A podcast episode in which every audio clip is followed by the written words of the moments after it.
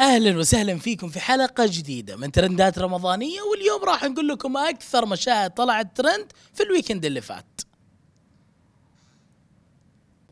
مشهد تحسين النسل في طاش مادا ما طاش يلا 3 2 عندك يو. مشهد تحسين النسل في طاش ما طاش. أثار مشهد من الحلقة الثامنة من المسلسل السعودي الشهير طاش ما طاش الغضب بين رواد مواقع التواصل الاجتماعي.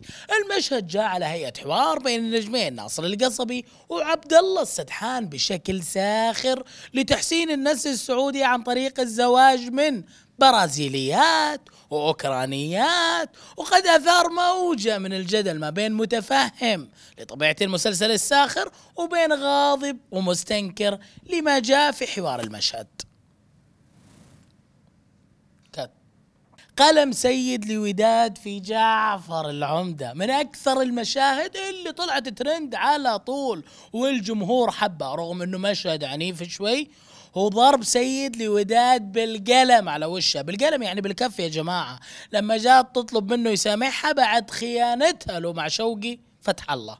الناس حست إنه سيد أخذ حقه وفرحوا باللي حصل لوداد. وإن القلم أو الكف ده رد لعيلة جعفر العمدة كرامتها. إيه. عيال منى زكي في تحت الوصايا. مشاهد؟ يلا 3 1 عندك يو.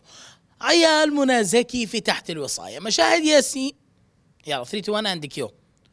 عيال منى زكي في تحت الوصاية مشاهد ياسين وفرع عيال منى زكي في مسلسل تحت الوصاية تصدرت مواقع التواصل الاجتماعي بسبب موهبتهم وأدائهم المميز خاصة المشاهد اللي ياسين بيعتني فيها بأخته في ظل غياب أمهم اللي بتشتغل صيادة وبتغيب بالأيام. الأطفال أثبتوا موهبتهم وقدرتهم على توصيل مشاعر شخصيات العمل.